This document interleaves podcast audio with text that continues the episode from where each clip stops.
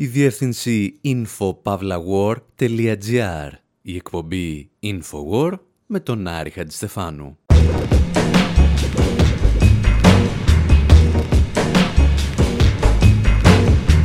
όπου σήμερα θέλουμε να δοκιμάσουμε την αντοχή σας σε ιστορίες από τον πιο βαρετό ίσως οργανισμό στον πλανήτη, τα Ηνωμένα Έθνη.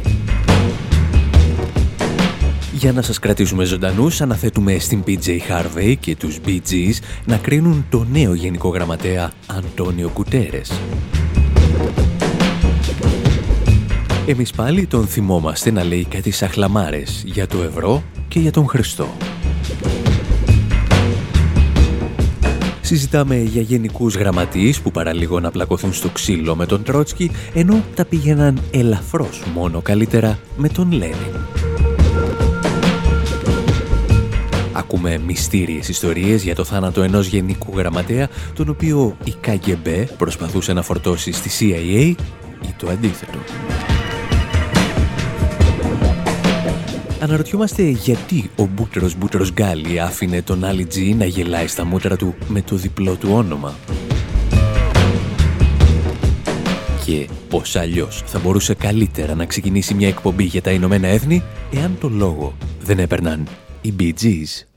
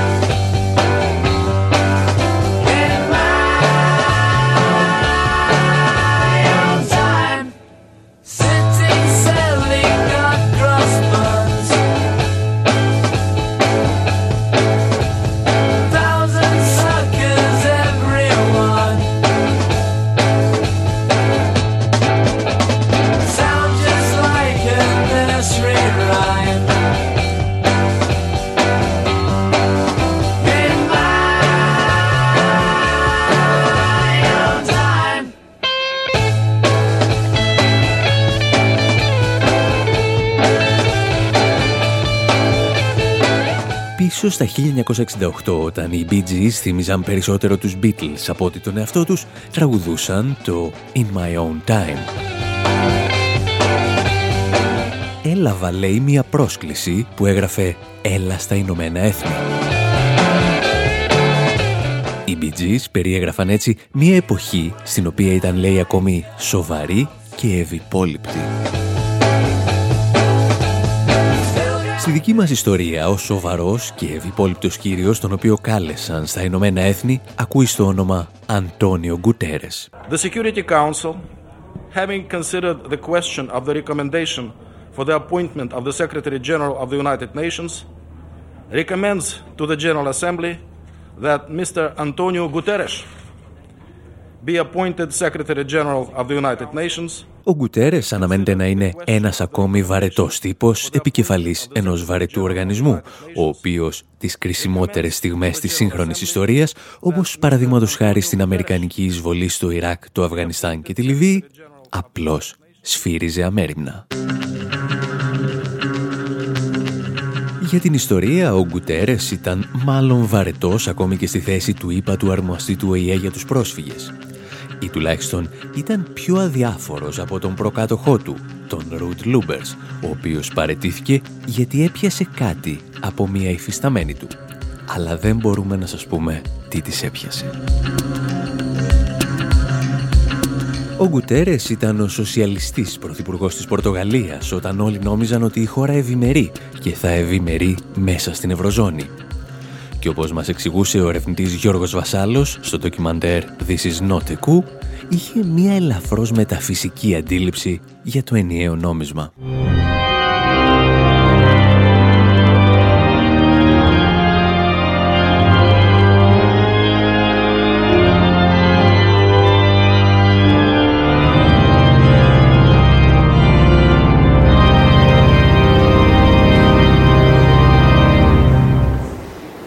Το ευρώ ανάμεσα στις πολιτικές ελίτ της Ευρώπης έχει πάρει διαστάσεις όχι απλά ιδεολογίας αλλά σχεδόν θρησκευτικής πίστης. Ε, είναι χαρακτηριστική μια δήλωση του ε, Γκουτιέρες που είπε ότι όπως ο Χριστός είπε στον Πέτρο ότι αυτός ε, είναι ο βράχος μου και πάνω σε αυτό το βράχο θα χτίσει την εκκλησία μου έτσι και για την Ευρώπη το ευρώ είναι ο βράχος πάνω στον οποίο θα χτιστεί και το μελλοντικό ευρωπαϊκό κράτος. Εάν δεν το καταλάβατε, η ανθρωπότητα μόλις εναπόθεσε τις ελπίδες της για παγκόσμια ειρήνη σε έναν άνθρωπο που πίστευε ότι το ευρώ θα είναι ένας βράχος σταθερότητας στην Ευρωπαϊκή Ήπειρο.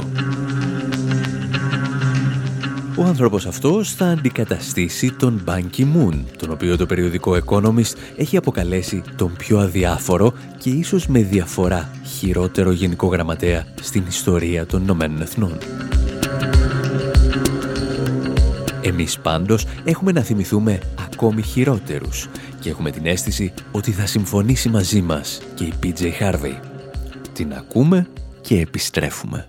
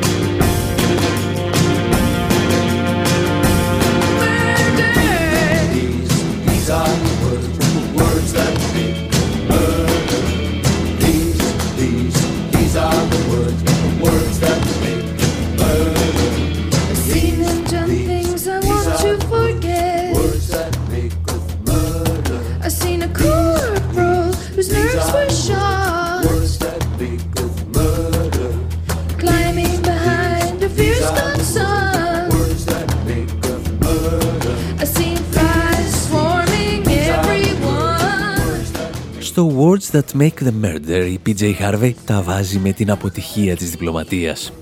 Περπατάει, λέει, σιγά ανάμεσα στα πτώματα στρατιωτών που πολέμησαν στο Αφγανιστάν. Κοιτάζει τα δέντρα από τα οποία κρέμονται ανθρώπινα μέλη και αναρωτιέται σαρκαστικά «Μήπως πρέπει να πω τα προβλήματά μου στον ΟΗΕ» Η απάντηση είναι συνήθως σχετική, καθώς πολλά εξαρτώνται από τον εκάστοτε γενικό γραμματέα του οργανισμού. Γι' αυτό, προκειμένου δηλαδή να απαντήσουμε στο ερώτημα της PJ Harvey, σκεφτήκαμε να πιάσουμε τους γενικούς γραμματείς από την αρχή. Πρώτος κύριος προς εξέταση, ο Νορβηγός Τρεκβελή, ο πρώτος γενικός γραμματέας που ανέλαβε επισήμως τα ενία του οργανισμού. Ο Λί ήταν στα νιάτα του αυτό που θα λέγαμε ο πιο δικός μας άνθρωπος. Και προς Θεού μη ρωτήσετε ποιοι είμαστε εμείς και αν είμαστε μαζί σας ή με τους άλλους, γιατί δεν θα βγάλουμε άκρη.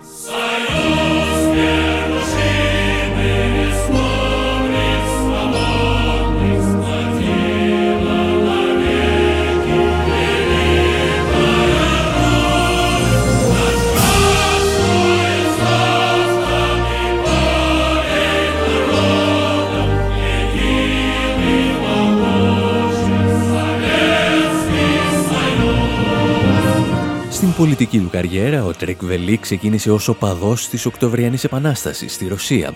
Γνώρισε μάλιστα προσωπικά και αυτόν εδώ τον κύριο, τον Βλαντιμίρ Λένιν.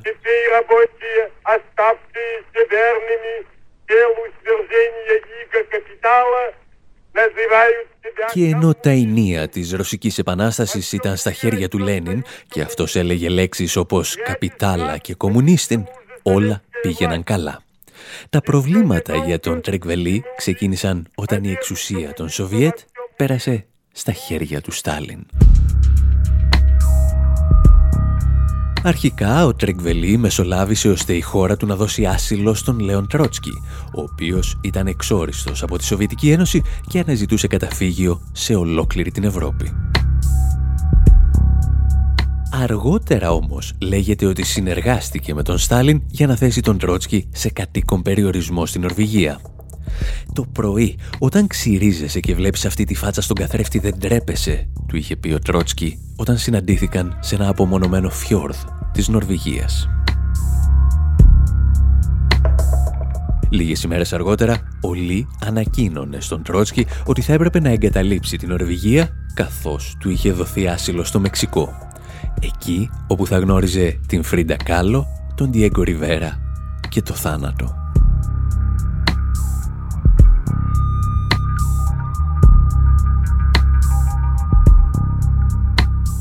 Μαρτυρούν μήπως αυτές οι πράξεις σταθερό και ακέραιο χαρακτήρα από την πλευρά του Τριγκβελή. Προφανώς όχι. Αυτές οι πρωτεϊκές μεταμορφώσεις όμως του επέτρεψαν μετά τον πόλεμο να γίνει ο πρώτος γενικός γραμματέας των Ηνωμένων Εθνών. Και αυτή ήταν η επίσημη ανακοίνωση της απόφασης με ένα σαρδάμ.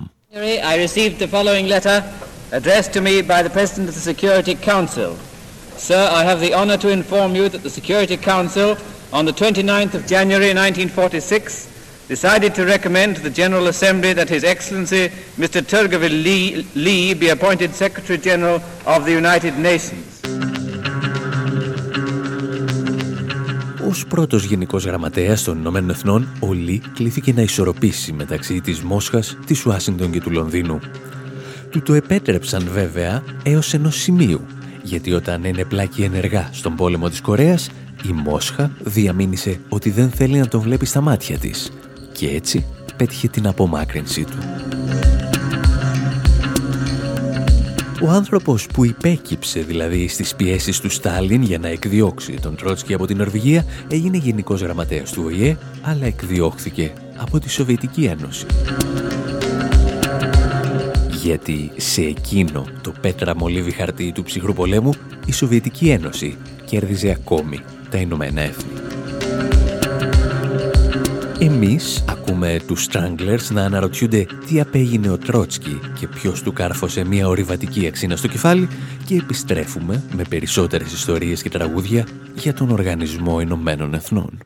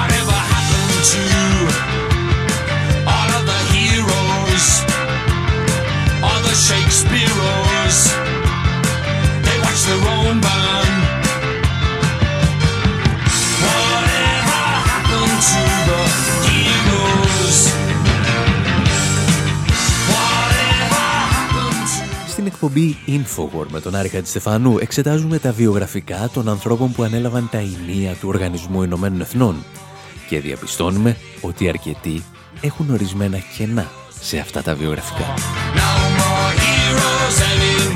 Βρισκόμαστε, αν θυμάστε, στις πρώτες επικίνδυνες κλιμακώσεις του ψυχρού πολέμου μετά τον πόλεμο της Κορέας καθώς το κλίμα θερμαίνεται και η ανθρωπότητα ετοιμάζεται εν αγνία της να αντιμετωπίσει την κρίση των πυράβλων στην Κούβα, στη Νέα Υόρκη κατέφταναν εκνευρισμένοι όλοι οι ηγέτες του πλανήτη.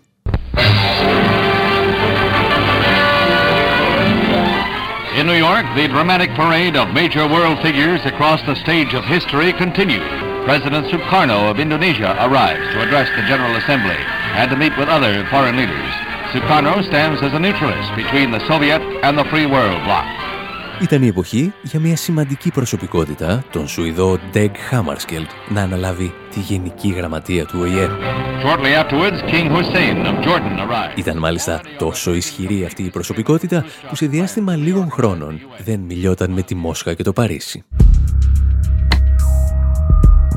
Δύο βασικοί παίκτες δηλαδή της διεθνούς σκηνής σταμάτησαν να συνεισφέρουν στα οικονομικά και ο Οργανισμός Ηνωμένων Εθνών απειλήθηκε με οικονομική κατάρρευση. Ο Χάμαρσκελντ όμως, όπως μας πληροφορεί εδώ και ο Αμερικανός τότε πρόεδρος Τζον Φιτζέραλντ Κέννεντι, θα μας αφήσει νωρίς. Σκοτώθηκε σε αεροπορικό δυστύχημα. Dag Hammarskjöld is dead, but the United Nations lives. His tragedy is deep in our hearts, but the tasks for which he died are at the top of our agenda. Ο Κένεντι σε αυτή την ομιλία είχε αποκαλέσει τον Χάμαρσκελ ως τη σημαντικότερη προσωπικότητα του αιώνα, γεγονός που θα έπρεπε να μας προκαλεί μια μικρή ανησυχία για τις σχέσεις του γραμματέα με την Ουάσιγκτον. Η κατάσταση όμως ήταν πολύ πιο περίπλοκη. Ο θάνατος του Χάμαρσκελτ έχει εκθρέψει ίσως τις περισσότερες θεωρίες συνωμοσίας του 20ου αιώνα μετά τη δολοφονία των Κένεντι. Και όλα ξεκίνησαν όταν ο πρώην πρόεδρος των Ηνωμένων Πολιτειών, Χάρι Τρόμαν, έκανε την παρακάτω δήλωση. Ο Χάμαρσκελτ ήταν έτοιμος να ολοκληρώσει κάτι σημαντικό όταν τον σκότωσαν. Και κρατήστε αυτό που σας λέω, τον σκότωσαν. Έκτοτε η CIA προσπαθούσε να φορτώσει την πτώση του αεροπλάνου στην KGB και η KGB στη CIA, ενώ η MI6 του Λονδίνου κοιτούσε με δέος από απόσταση. Ο Χάμαρσχελτ πετούσε να βρισκόταν σε αποστολή για να πετύχει κατάπαυση του πυρός με την αποσχιστήσα από το Κονγκό επαρχία της Κατάγκα. Αργότερα, αυτόπτες μάρτυρες δήλωσαν ότι είδαν λάμψεις, ίσως από πυροβόλα όπλα πριν από τη συντριβή του αεροσκάφους. Το Κονγκό ήταν τότε η χώρα με την μεγαλύτερη συγκέντρωση πρακτόρων ανά τετραγωνικό χιλιόμετρο σε όλο τον κόσμο. Και αυτό γιατί λάμβανε οικονομική βοήθεια από τη Σοβιτική Ένωση, ενώ είχε τα πλουσιότερα κοιτάσματα ουρανίου στον πλανήτη. Εάν λοιπόν ο Χάμαρσκελ κατάφερνε να αποτρέψει την ολοκληρωτική απόσχηση της Κατάγκα, κάποιες εταιρείες εξόριξης ουρανίου θα έχαναν τη γη κάτω από τα πόδια τους. Θα έχαναν δηλαδή συμβόλαια δισεκατομμυρίων. Για πολλούς, ο Χάμαρσκελ έπρεπε να πεθάνει, αλλά οι ακριβείς συνθήκες της συντριβής του αεροσκάφους του ίσως να μείνουν για πάντα άγνωστες. Εσείς πάλι μένετε εδώ, στο έδαφος και ακούτε Infowar, γιατί σε λίγο έρχονται ιστορίες με γενικούς γραμματείς και ούφο και μια περίεργη συνάντηση με τον Μπούτρος Μπούτρος Γκάλι.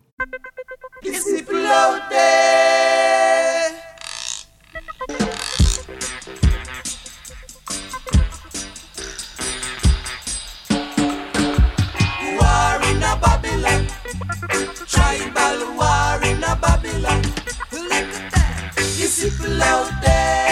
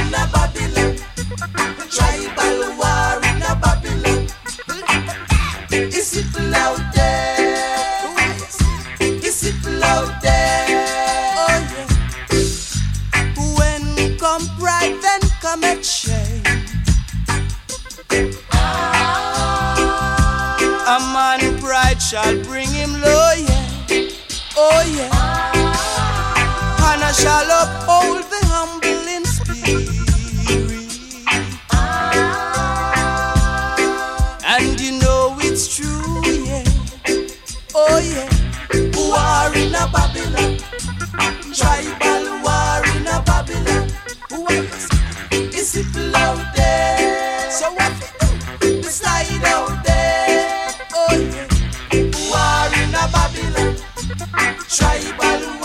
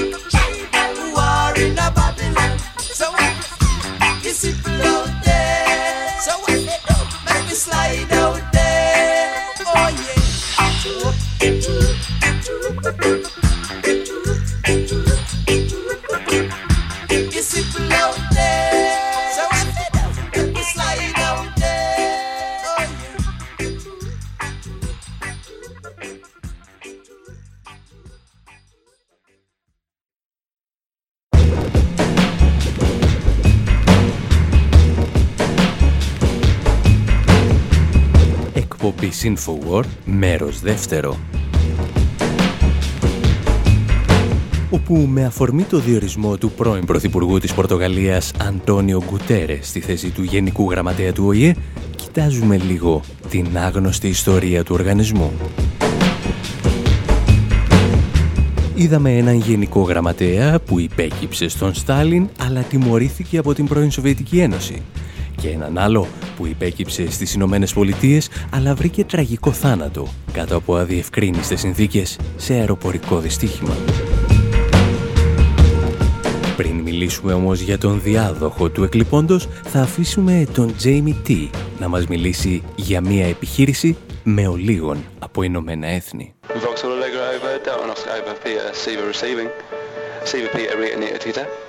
Peter Peter over over and over. Over and over, yes, Peter, Cedar, Peter, Cedar, Peter, Peter, over. Knocker.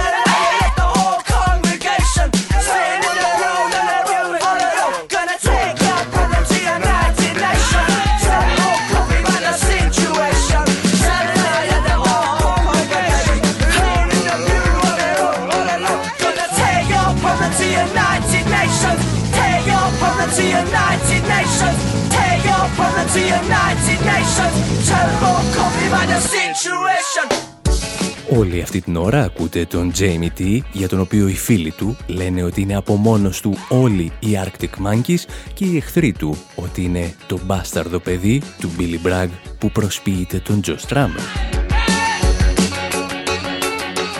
Εμείς πάλι επιλέξαμε το τραγούδι για εκείνο το στιχάκι που λέει «Πήγαινε τα προβλήματά σου στα Ηνωμένα Έθνη και πέστα στον γέρο Κόφι» όπου Κόφι είναι ο Κόφι Ανάν. Αλλά εμείς είμαστε ακόμη στην εποχή του Ουθάντ, του ανθρώπου που ανέλαβε στη θέση του εκλειπώντος Χάμαρσκελντ. Σε αντίθεση με τους δύο προκατόχους του, ο Ουθάντ λέγεται ότι δεν εξοργήσε τη Μόσχα, αλλά κυρίως την Ουάσιγκτον. Αν και οι σχέσεις τους ξεκίνησαν με τους καλύτερους Ιωνούς, ο Γενικός Γραμματέας καταδίκασε κάποια στιγμή την Αμερικανική πολιτική για το Βιετνάμ. Ο Ουθάντ προερχόταν από τη Βερμανία και η εκλογή του εξέφραζε, υποτίθεται, το αίτημα του αναπτυσσόμενου κόσμου να δει έναν δικό της άνθρωπο στο πιδάλιο των Ηνωμένων Εθνών. The curtain goes up at the United Nations on what the world hopes is the final act in the drama that was the Cuban crisis. The Soviet Union is represented by Khrushchev's special envoy, Russia's first deputy foreign minister, Vasily Kuznetsov. Ο Ουθάντ πάντως ήταν ίσως ο πιο άτυχος άνθρωπος στην ιστορία του 20ου αιώνα, καθώς από τη θέση του Γενικού Γραμματέα κληθήκε να διαχειριστεί την κρίση των πυράβλων.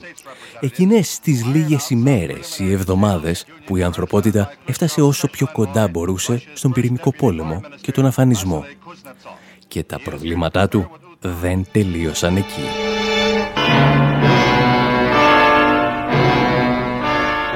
The six-day Middle East war echoes along a second front. A diplomatic struggle at the United Nations Security Council. A series of emotionally charged meetings keeps delegates debating on nearly around-the-clock basis.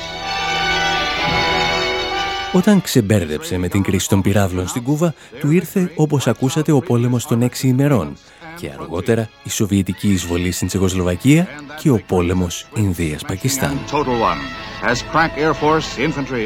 Γιατί αν δεν σε θέλει, δεν μπορείς να ησυχάσεις ούτε μία ημέρα στο γραφείο.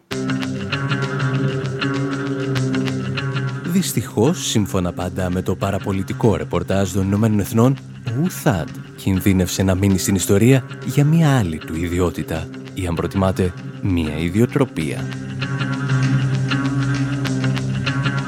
Είχε βάσιμες υπόνοιες ότι επισκέπτονται τη γη UFO, αγνώστου ταυτότητας υπτάμενα αντικείμενα.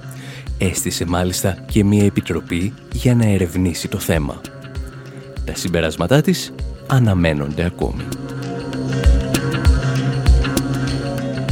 Εμείς πάλι σας δίνουμε μία ανάσα με ολίγον αποδιάστημα και επιστρέφουμε με περισσότερους γενικούς γραμματείς.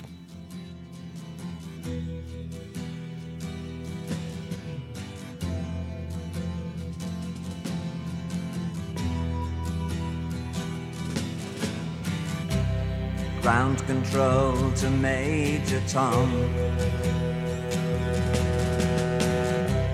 Ground control to Major Tom.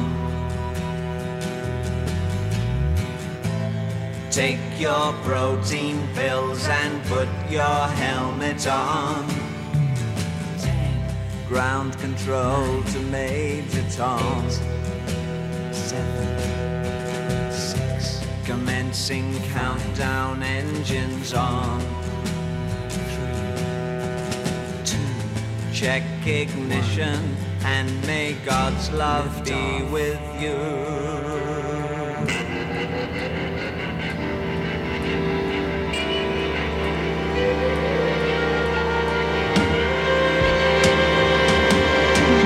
This is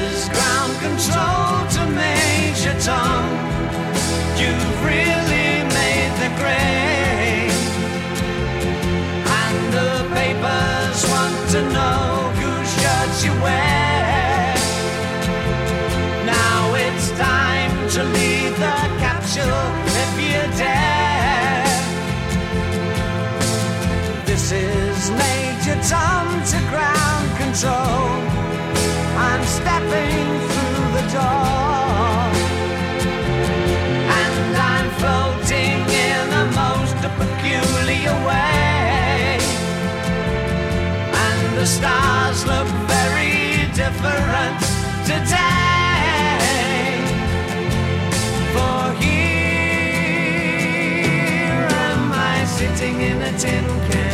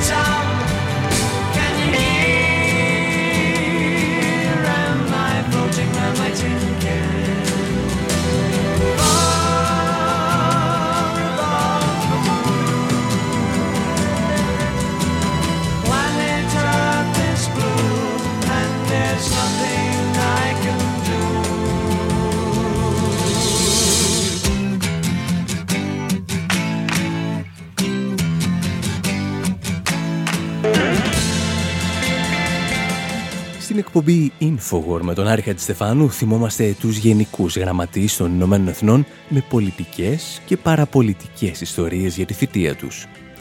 Και κάπου εδώ φτάνουμε στον περιβόητο για ορισμένους και διαβόητο για περισσότερους Κουρτ Βαλτχάιμ. I, Kurt Waldheim, I, Kurt Waldheim, solemnly swear solemnly swear to exercise in all loyalty, to exercise in all loyalty, discretion and conscience Εδώ τον ακούμε το 1971 να ορκίζεται γενικός γραμματέας.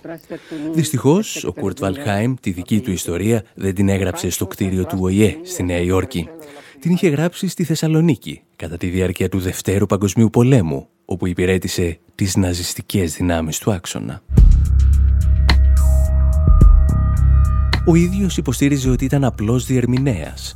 Αρκετοί ιστορικοί όμως λένε ότι επέβλεπε την αποστολή 40.000 Εβραίων της Θεσσαλονίκης στο Auschwitz.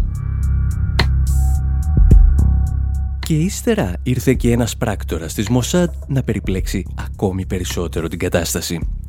Ο Βίκτορ Οστρόφσκι υποστήριξε ότι η Ισραηλινή μυστική υπηρεσία παραποίησε ιστορικά ντοκουμέντα προκειμένου να ενοχοποιήσει τον Κουρτ Βαλχάιμ και το έκανε επειδή ο Γενικός Γραμματέας ασκούσε λέει κριτική στο Ισραήλ για τον πόλεμο στο Λίβανο. Η υπόθεση, ύστερα από πολλές έρευνες, στάλθηκε τελικά στο αρχείο. Αυτό για το οποίο όμως ο Γενικός Γραμματέας δεν κατάφερε να πείσει κανέναν ήταν ότι υπηρέτησε τα ναζιστικά στρατεύματα στη Θεσσαλονίκη και δεν αντιλήφθηκε ποτέ οτιδήποτε για τις διώξεις και τον αφανισμό των Εβραίων της πόλης.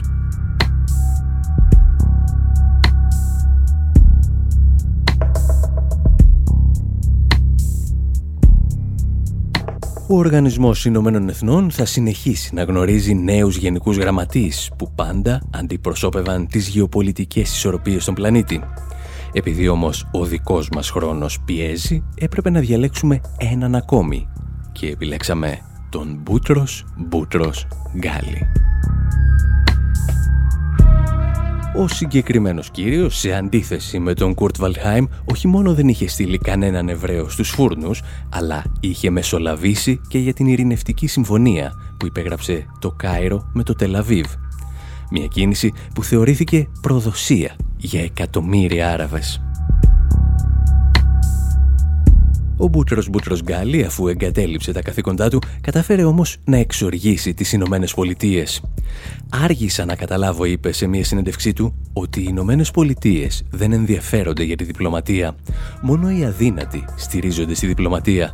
Η Ρωμαϊκή Αυτοκρατορία δεν χρειαζόταν διπλωμάτες, όπως δεν τους χρειάζονται και οι Ηνωμένες Πολιτείες. Εμείς συγκρατούμε πάλι μια άλλη παραπολιτική λεπτομέρεια. Ο Μπούτρος Μπούτρος Γκάλι ήταν ο αγαπημένος γενικός γραμματέας του Άλλη Τζι, τον οποίο αργότερα γνωρίσαμε ως Μπόρατ. Του είχε πάρει μάλιστα και συνέντευξη. His name be none other than my man Boutros, Boutros, Boutros Ghali. Αφού συστήνει τον καλεσμένο του, ο Αλιτζή κάνει δύο αφοπλιστικές ερωτήσεις πόσα μέλη έχει ο Οργανισμός Ηνωμένων Εθνών και αν η Disneyland είναι ένα από αυτά.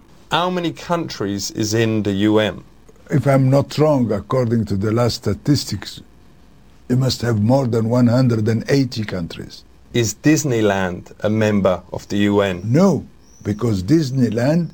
Ο Μπούτρος Μπούτρος Γκάλι, όπως ακούτε, μένει στο ύψος του και απαντά σοβαρά ότι η Disneyland δεν είναι μέλος του ΟΗΕ γιατί δεν είναι ανεξάρτητο κράτος. Και ύστερα, ο Γενικός Γραμματέας του Οργανισμού Ηνωμένων Εθνών αποχαιρετά τους τηλεθεατές όπως μόνο ένας Μπούτρος Μπούτρος Γκάλι θα μπορούσε να κάνει. I am Boutros Boutros Ghali. Put down your gun and listen to Bob Marley. Bob Marley.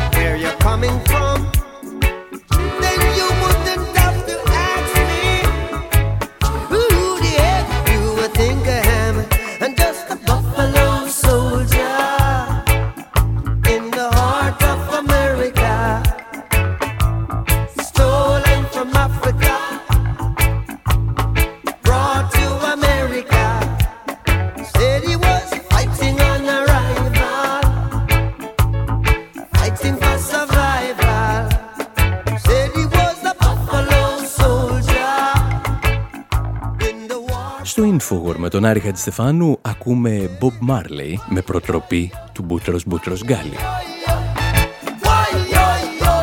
Και βέβαια δεν τον διαλέξαμε επειδή άκουγε Bob Marley, αλλά επειδή ο Γκάλι ήταν ο πρώτος γενικός γραμματέας που ανέλαβε τα καθήκοντά του στο νέο γεωπολιτικό σκηνικό που διαμορφωνόταν μετά την κατάρρευση της Σοβιετικής Ένωσης.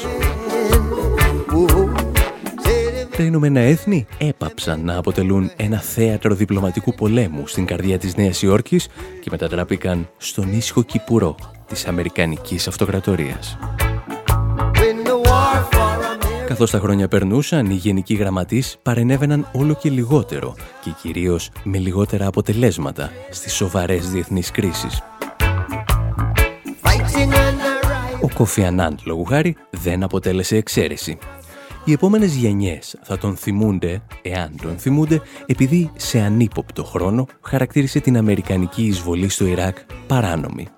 Θα θυμούνται επίσης ότι μετά το ξέχασε, γιατί λίγα 24 ώρα ύστερα από αυτές τις δηλώσεις ήρθαν στην επιφάνεια διάφορες φήμες για σκάνδαλα στα οποία εμπλεκόταν ο γιος του.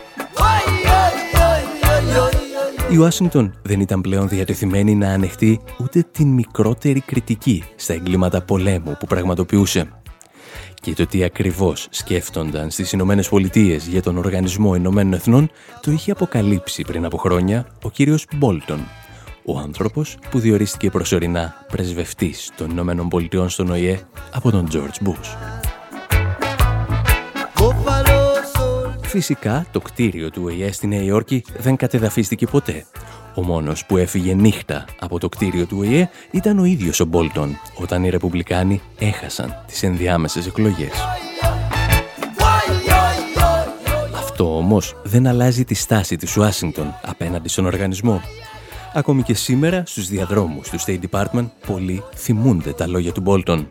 Θα ήθελαν και αυτοί να δουν τον ΟΗΕ να κατεδαφίζεται ίσως γιατί τον θεωρούν ανίκανο να διαχειριστεί οποιοδήποτε πρόβλημα.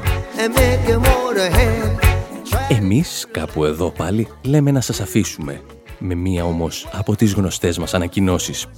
Το ντοκιμαντέρ μας This is not a coup από την ομάδα της Infowar Productions ταξιδεύει. Ήδη από τις 5 Οκτωβρίου και για ένα μήνα θα προβάλλεται στο Παρίσι στις 15 Οκτωβρίου συμμετέχει στο διαγωνιστικό τμήμα του 10ου Φεστιβάλ Ελληνικού Ντοκιμαντέρ Χαλκίδας. Την ίδια μέρα ξεκινά στο Μόναχο διήμερο αφιέρωμα στα τέσσερα ντοκιμαντέρ, το Ντετόκραση, το Καταστρόικα, το Φάσισμα INC και το This is not a coup.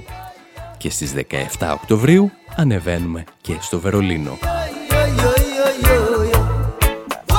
Τέλος, στις 23 Νοεμβρίου θα πραγματοποιηθούν προβολές και συζητήσεις στο Λέστερ, ενώ στις 25 του ίδιου μήνα το This is not a coup ταξιδεύει στις Βρυξέλλες με πρόσκληση της ΑΤΑΚ Βελγίου.